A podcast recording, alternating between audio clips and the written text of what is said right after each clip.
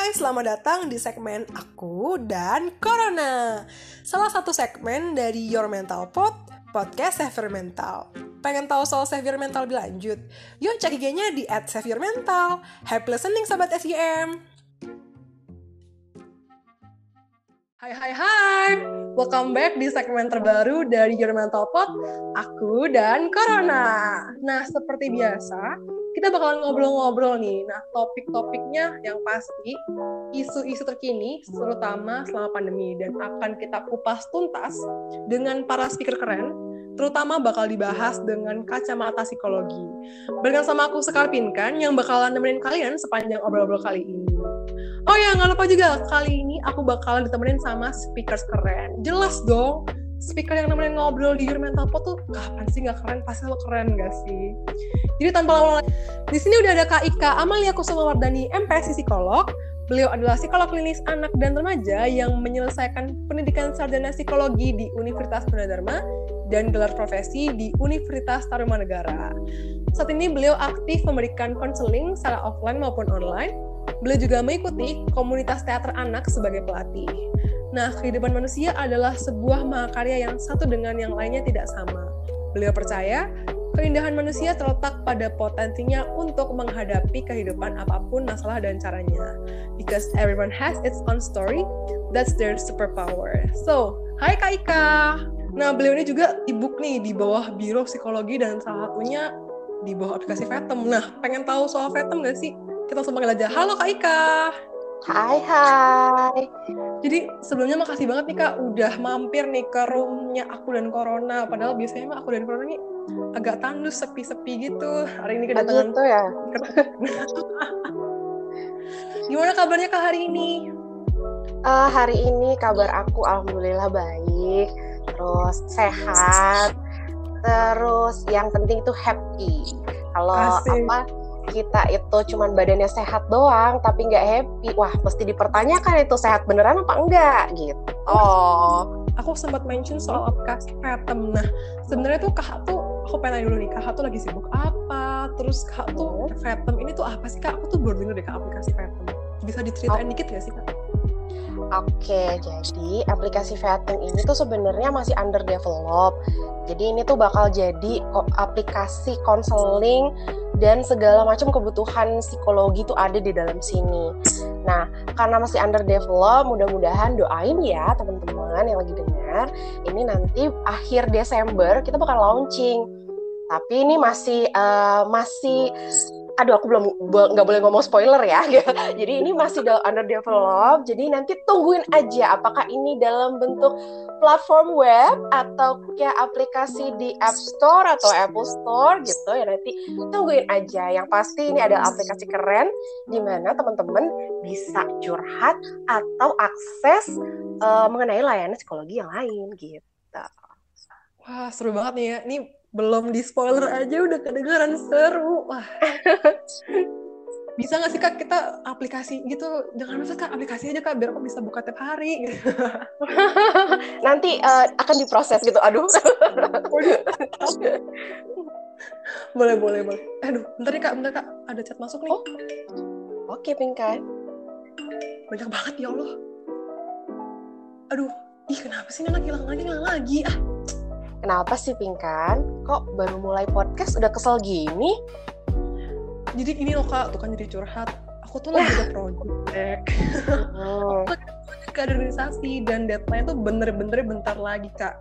Tapi PIC alias People in Control alias penanggung jawab divisinya hilang-hilangan kak. Ya ampun kesel banget. Mana ini pandemi kan corona corona gini rumahnya dia jauh aku nggak bisa keluar mana bisa nyamperin kak. Kesel. Oh jadi ceritanya kamu di ghosting ya sama PIC kamu iya kak. Nggak sama gebetan nggak sama temen nggak sama sama temen organisasi digosip terus kesel. Sabar dong pingkan jangan marah-marah terus. Nanti nambah loh keriput-keriputnya jadi tambah tua nggak sesuai usia. Oh no, jangan kak. Tapi btw nih kak kebetulan banget nih kan? Topik kali ini tuh sebenarnya tuh judulnya di ghosting bikin sinting tuh sempet nih kak bikin survei-survei mini lewat akun IG aku, bikin akun IG pribadi aku dan lewat akun itu aku yakin banget nih, aku tuh bukan satu-satunya orang yang mengalami ghosting sama pandemi. Jadi pengen tahu nggak hasilnya kak? Ih apa tuh? Penasaran deh aku jadinya. Jadi nih kak, jadi nih karena aku nggak bukan selebgram jadi dari empat ikutan polling jadi dari 41 orang yang ikutan polling itu 34 orang pernah merasakan di ghosting dan atau mengghosting kak. Wah parah banget gak sih followers wah banyak juga ya. Maksudnya dari 41 orang wah itu bukan main-main lagi berarti ya ghosting ya. Kita juga semua merasakan ghosting berarti ya. Nah, nah bener banget gak sih kak? 30 dari 41 34-nya pernah merasakan di ghosting dan melakukan ghosting dan atau sih Kak dan atau melakukan ghosting. Oh. Nah, jadi Kak, jadi tuh aku nggak cuma survei-survei soal siapa aja yang pernah di ghosting, siapa aja yang belum pernah di ghosting, tapi aku juga survei nih, kalau misalnya aku bahas soal ghosting, mereka tuh pengen tahu soal apa sih? Nah, sama nih, aku juga pengen tahu. Oh. Sebenarnya tuh Kak, di ghosting alias menghilang tuh ada nggak sih Kak di dunia psikologi? Dan kira-kira definisinya tuh apa sih Kak di kacamata psikologi? Oke, kalau ghosting sendiri ini tuh sebenarnya istilah populer tadinya. Dan semakin populer ketika kita mengalami masa-masa pandemi sekarang ini. Karena mulai banyak tuh orang yang melakukan perilaku ghosting. Jadi dulu itu sebenarnya ghosting tuh udah ada sebenarnya ya dari lama sebelum orang-orang sekarang beralih ke media sosial sepenuhnya karena situasi pandemi kayak gini. Ghosting tuh udah ada. Jadi ghosting itu salah satu perilaku ketika kita itu tiba-tiba menghilang dari kehidupan seseorang. Jadi bener-bener diambil dari kata ghost kayak semacam hantu-hantu gitu. Kalau hantu kan antara ada dan tiada atau tau puff hilang gitu ya. Nah, ghosting sendiri itu adalah term yang dari yang didapat dari um, istilah-istilah populer gitu. Karena keseringan jadi dia dijadikan kata kerja atau kata verb seperti itu. Jadi disebut ghosting. Hmm, berarti yang ghosting Berarti ini yang melakukan ghosting hantu nih kak? Bisa jadi karena dia hilang ada, hilang gak ada gitu. Tahu-tahu suatu saat dia menghilang tanpa jejak gitu. Tahu-tahu sudah digandeng oleh orang lain. Biasa jadi kayak gitu. Agak serem ya ternyata teman-teman organisasi. Hei teman-teman organisasiku, kenapa kalian jadi hantu? Oke. Okay. Nah sebelumnya aku pengen nanya kak, kamu tuh pernah gak sih kak merasakan di ghosting? Atau malah pernah nih melakukan ghosting sama pandemi? Ini boleh gak sih kak cerita dikit biar aku tuh gak merasa sendiri kak? Pastinya kita semua pernah dong merasa di ghosting. Aku psikolog juga manusia aku juga pernah merasa di ghosting terutama di masa pandemi kayak gini. Nah tadi kan aku sempat jelasin ya kalau ghosting itu sebenarnya udah ada lama sebelum kita merasakan uh, atau mengenal istilah ini secara populer. Jadi ghosting itu sebenarnya adalah perilaku uh, seperti pertahanan diri terakhir gitu ketika kita benar-benar nggak ngelakuin apa pun. Nah, yang namanya perilaku pertahanan diri itu pastinya untuk menguntungkan individu itu kan. Nah, kenapa sih bisa diuntungkan? Karena dia satu bisa membuat dirinya lebih nyaman. Yang kedua, da itu memang mekanisme alami seperti itu. Terus cerita tentang aku pernah di ghosting pernah dan uh, sebenarnya aku juga pernah ghosting loh. Gitu. Aduh eh kenapa nih? Aku jadi ingat pengalaman ghosting aku soalnya gitu. Aku cerita oh. dari pengalaman aku jadi korban dulu ya. Kayak jawab itu uh, aku kan uh, punya banyak klien ya, punya banyak klien dan juga punya banyak, uh, alhamdulillah punya banyak teman juga gitu, dan juga ada beberapa gebetan juga. Nah, aku tuh sempat merasakan di berbagai lapisan ghosting. Nah, kalau misalnya kalau sama temen, tuh biasanya ghostingnya tuh gitu. Jadi tiba-tiba kita ngobrol asik bla bla bla bla bla gitu, bercanda-bercanda sampai yang koplak-koplak bercandanya, tahu-tahu dia menghilang gitu gitu. Entah dia menghilang karena baper atau entah dia menghilang karena moodnya lagi jelek, entah gimana. Tapi yang jelas ya gitu, dia itu ya hilang gitu aja gitu tanpa penjelasan, tanpa berita, tanpa kabar. Nah, terus kalau misalnya dengan gebetan itu gitu, awalnya tuh uh, manis, awalnya tuh uh, kita sama-sama apa timbal balik gitu kan. Nah, terus ke sini sininya, oh kok dia tiba-tiba nggak ngubungin aku lagi gitu, atau kok dia tiba-tiba jadi dingin gitu, atau bener bener-bener sama sekali menghilang gitu.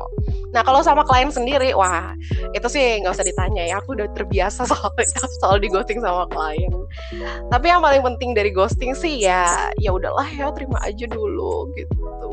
itu pengalaman aku soal di ghosting gitu. Okay. Pingkan mau tahu gak pengalaman aku mengghosting? Jangan deh. Loh, eh, ayo kak yang fair, yang fair ini. Jadi aku tuh juga pernah ghosting seseorang dan teman juga sebenarnya. Maafkan aku ya teman-teman yang mendengar podcast ini. I love you. Temannya Kak Ika, tolong temannya Kak Ika di aja Kak Ika dari circle Jadi waktu itu uh, waktu itu sebenarnya belum belum pandemi ya dan situasinya masih normal bukan pandemi loh. Nah tadi kan aku sempat bilang tuh udah lama nih ghosting tuh udah lama.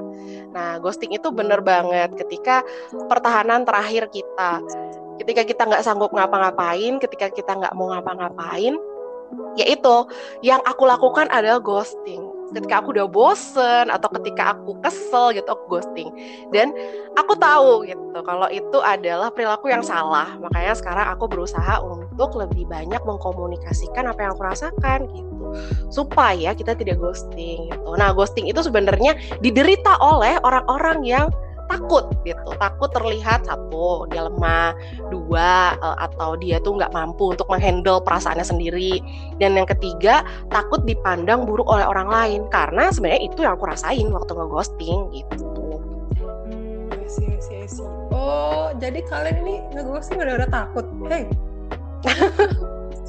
Yang belum dikerjain kali. Gimana sih? Ghosting kan ghost setan hantu yang gue tuh yang takut hantu. Salah. Eh jangan salah loh. Hantu itu takut sama manusia. Oh berarti saya manusia dia hantu kayak gitu. Oh iya bisa jadi. Kok jadi juga ya saudara-saudara? Oke, ini udah fair nih. Aku, aku tadi cerita aku di ghosting, kak udah cerita kak di ghosting. Nah, aku pengen tahu nih kak, jadi kan kau udah sempat mentioning kalau misalnya orang yang ghosting tuh orang yang takut uh, dibilang lemah, nggak bisa mungkin belum bisa mengungkapkan ekspresi emosinya dan sebagainya. Nah sebenarnya tuh apa sih kak yang bikin dia tuh bisa ke ghosting gitu? Kayaknya apa sih yang bikin dia kayak kayaknya gue ghosting aja deh gitu? Apa sih yang ada di pikiran mereka tuh sampai mereka kayak ya udahlah gue ghosting aja gitu? Hmm, ya itu tadi. Nomor satu adalah fear Nomor dua karena sebenarnya ghosting itu not always intentional gitu. Jadi nggak selalu dia bermaksud untuk ghosting sebenarnya. Nah, yang pertama bisa intentional, yang kedua not intentional. Nah, kita bahas dulu ya yang not intentional. Yang not intentional itu kayak yang tadi aku jelasin. Uh, orang itu bisa ngerasa takut, ngerasa khawatir, atau dia ngerasa nggak mampu untuk menghandle perasaannya sendiri ketika dia mulai uh, mengungkapkan apa yang sebenarnya dia pikirkan gitu. Aduh, sorry nih agak berisik-berisik. Oke, okay, oke. Okay. Gitu ceritanya. Itu yang not intentional. Jadi dia punya pergulatan sendiri gitu dalam pikirannya. Aduh, gue gini nggak ya? Aduh, gue gitu nggak ya? Gitu. Jadi karena kelamaan mikir nih, artinya, jadi mereka ya udah nggak ngelakuin apa-apa. So orang yang sedang menjadi victim dari ghosting itu menganggap wah gila gue di ghosting gitu. Bisa aja tuh PIC-nya lagi overthinking soal laporannya tuh atau apa dia lagi ngapain gitu. Itu yang not intentional. Nah, ada lagi nih satu lagi yang intentional. Jadi dia sengaja untuk melakukan perilaku ghosting buat apa sih orang sengaja melakukan perilaku ghosting? Untuk manipulasi biasanya. Nah, ghosting ini tuh uh, se apa ya, sesaudara sama istilah-istilah lain yang juga populer pas lagi pandemi nih. Pinkan mau tahu nggak istilah-istilahnya apa aja? Apa tuh? Ya ampun, ghosting ada saudaranya guys. nah, selain ghosting, Pinkan tahu nggak yang namanya gaslighting? Bentar, kayak pernah dengar nih gaslighting, gaslighting uh, muncul di TikTok nih kak berulang kali, tapi aku belum ngerti kak secara definisi psikologisnya tuh. Oke, okay. gaslighting itu simpelnya adalah ketika kita merasa sedih, orang itu ngatain kita, alah baper lo, gitu. Singkatnya kayak gitu. Hmm, Sampai sini pingkan paham nggak? paham paham paham paham, paham. Jadi ketika kita merasakan suatu emosi kita dipaksa atau kita dinamai uh, emosi itu dengan sesuatu yang lain yang bukan emosi itu.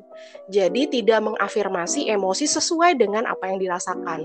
Sehingga bukannya kan harusnya kita yang ngerasain kita yang uh, namain dong emosi itu, tapi orang lain yang menamai itu.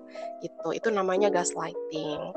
Nah, gak cuman orang loh yang bisa gaslighting, tapi society juga kayak misalnya media, kayak misalnya berita, wah itu bahaya banget kalau udah sampai ke ghostlighting sebuah lapisan masyarakat. Oh udah deh opininya udah ke mana-mana atau apa gitu. Itu namanya gaslighting. Terus ada lagi nih selain gaslighting namanya breadcrumbing. Ayo tahu nggak breadcrumbing apa? Mohon maaf, breadcrumb kan yang makanan itu kak, Iya betul.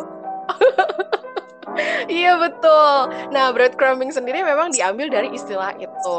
Kalau misalnya uh, pinggan tahu cerita tentang Hansel and Gretel, itu kan terkenal banget ya soal breadcrumbingnya kan. Nah, perilaku breadcrumbing itu kalau menurut aku sendiri sih ya, ya kenapa mereka saudaraan sama si um, ghosting, gaslighting itu karena dia tuh jahat juga.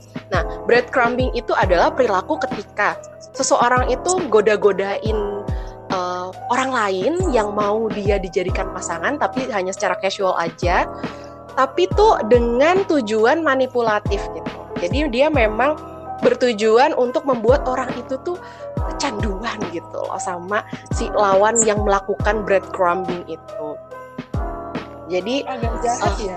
iya jadi dia ngirimin teks gitu kayak misalnya gue goda-godain lagi ups kayak gitu. Atau misalnya eh kamu pasang profil picture cantik banget deh gitu. Atau eh mau aku kirimin GoFood nggak? Kayak gitu misalnya. Itu udah tuh banyak kayak gitu.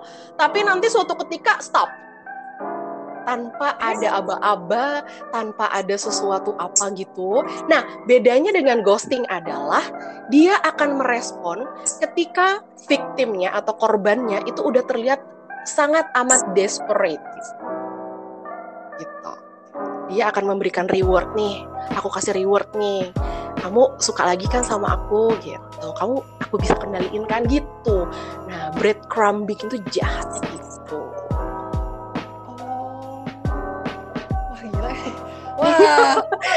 Apa bengong pingkan? saya relate nih. Hey. Wah, saya relate nih. Aduh. Oh. Nah, terus ada lagi nih Pingkan, se yang sekeluarga sama ghosting, gaslighting, ya, breadcrumbing, itu ada lagi. Apa Namanya orbiting. Ayo. Aduh, apa ini orbit orbiting? Orbit orbit kan tata surya, Kak. Betul. Oh, menduniakan. Mm bukan menduniakan, tapi orbit itu kan kita berputar pada sesu- sebuah sesuatu ya, yang kita anggap sebagai pusat dari sesuatu gitu. Kayak misalnya bulan sama bumi kayak gitu, bumi sama matahari, itu orbit namanya kan, orbiting. Jadi kita berkeliling di sekitarnya. Nah, kalau orbiting sendiri ini biasanya dilakukan oleh teman-teman yang uh, misalnya gini, dia udah deket nih sama gebetannya, udah tinggal kepleset dikit jadian kali gitu ya. Tapi tahu-tahu orang ini tuh nggak bisa dihubungin, nggak bisa ditelepon, terus uh, ditelepon gak bales, dihubung apa di SMS gak jawab, di WA cuman di read doang gitu. Tapi ada tapinya nih. Setiap posting setiap postingan kita mau di Twitter, di uh, Instagram, di bla bla bla lah kayak gitu, itu pasti akan dia view atau dia like. Oh, baunya sengaja gitu ya kak, ngilang tapi di like, dilihat. Oh, iya gitu. Atau misalnya dia uh, tahu-tahu ngelihat profil kita. Sekarang kan udah canggih banget ya kita bisa ngelihat siapa sih yang ngeliat profil kita? Atau siapa sih yang uh, ngelihat postingan kita? Atau itu berapa orang sih yang ngeliat story kita gitu? Itu kan kita udah tahu ya.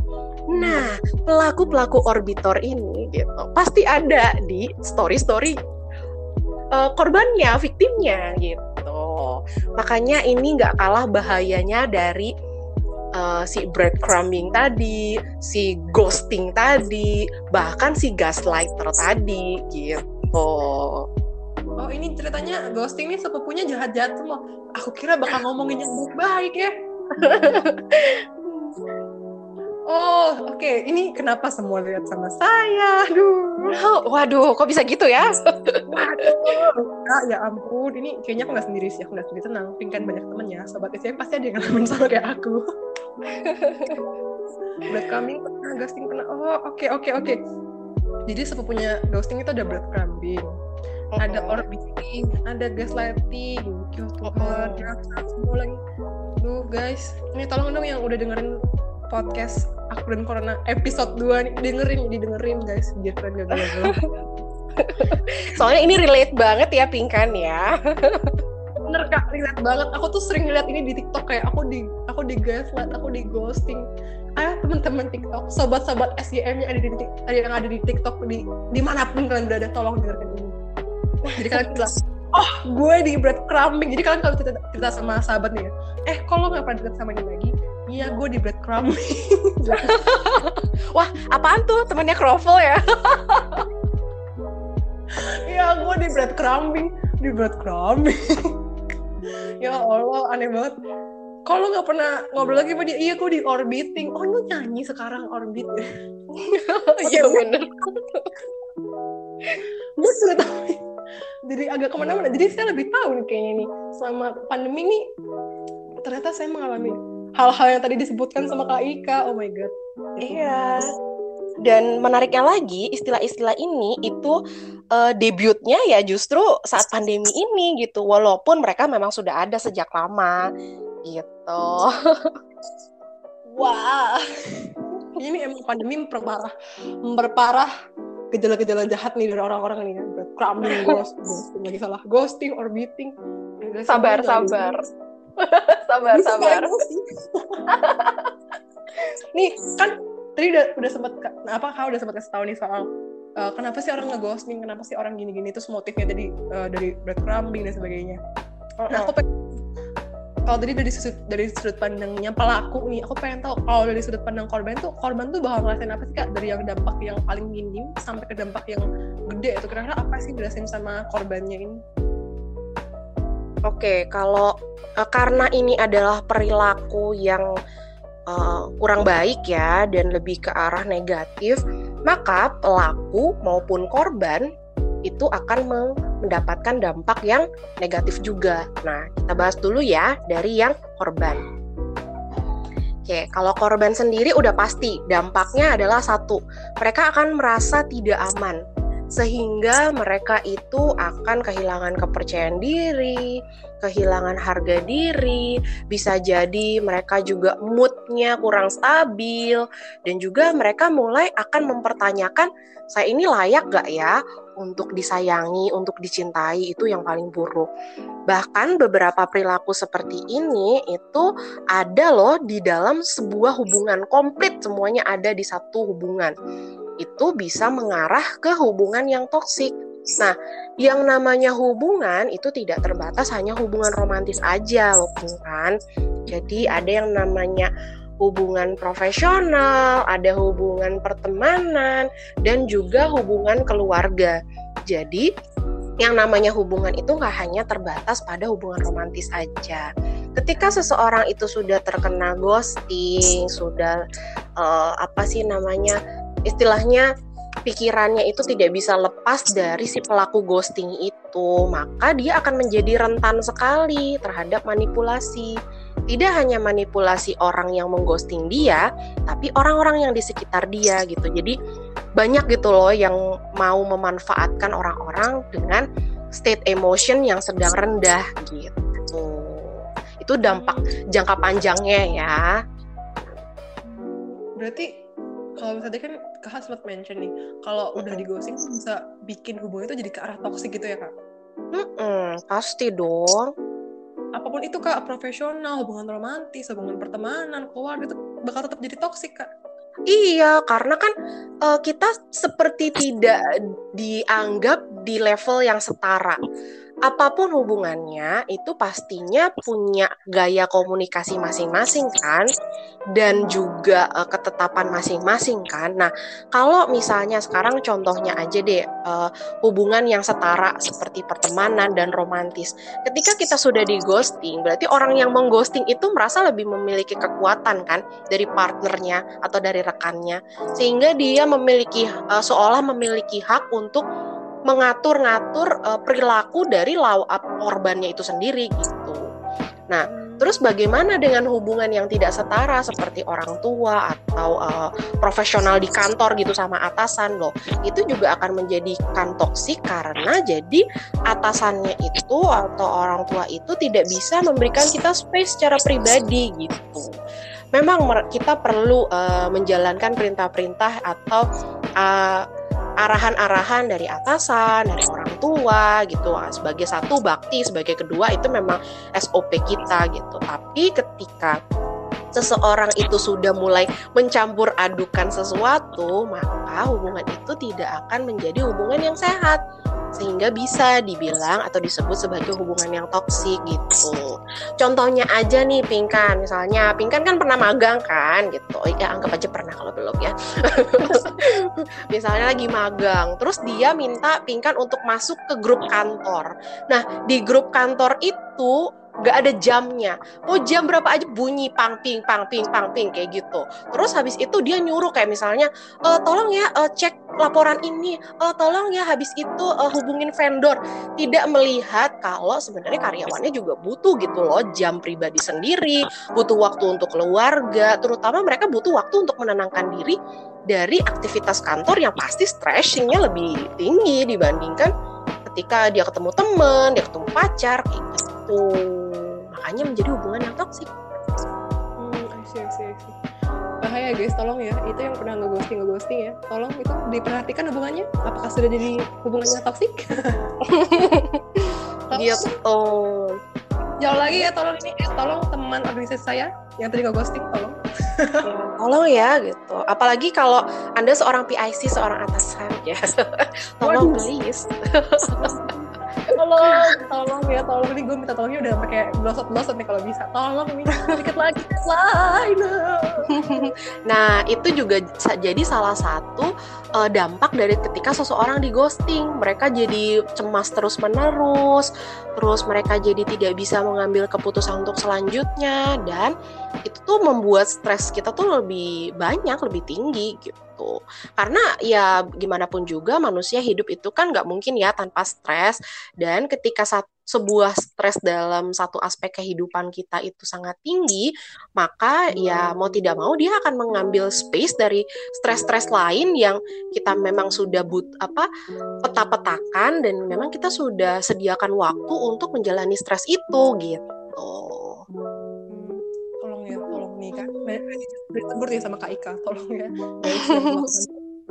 Kasihan korbannya. Nggak bisa mikir nih mau ngapain keputusannya karena kalian mereka tuh nggak tahu kalian tuh keadaannya gimana kenapa nggak ghosting gitu loh guys. Ya Allah. Bicarakan saja yo iya. Nah ngomong guys kalau emang lagi capek lagi oh aku lagi banyak tugas ping nggak bisa. Oh aku lagi sibuk ini ping. Oh aku mau mantenan ping mau nikahan. Nggak apa-apa aku izinin ngomong guys ngomong. iya. nggak usah malu iya nah, benar banget. Enak jadi gitu. keputusan bisa enak gitu jadi oh bisa di take over nih job desknya sampai kapan? Oh iya kamu lagi ini oh berarti kamu sampai kapan nih? Nggak bisanya oh ya udah di take over sampai tanggal ini ya kan enak ya. Daripada gue gue yang stres eh. Gitu. Terus jangan salah loh Pinkan sebenarnya pelaku juga punya dampak tersendiri ketika mereka tuh melakukan ghosting Eh, eh, lanjut ke part 2 ya.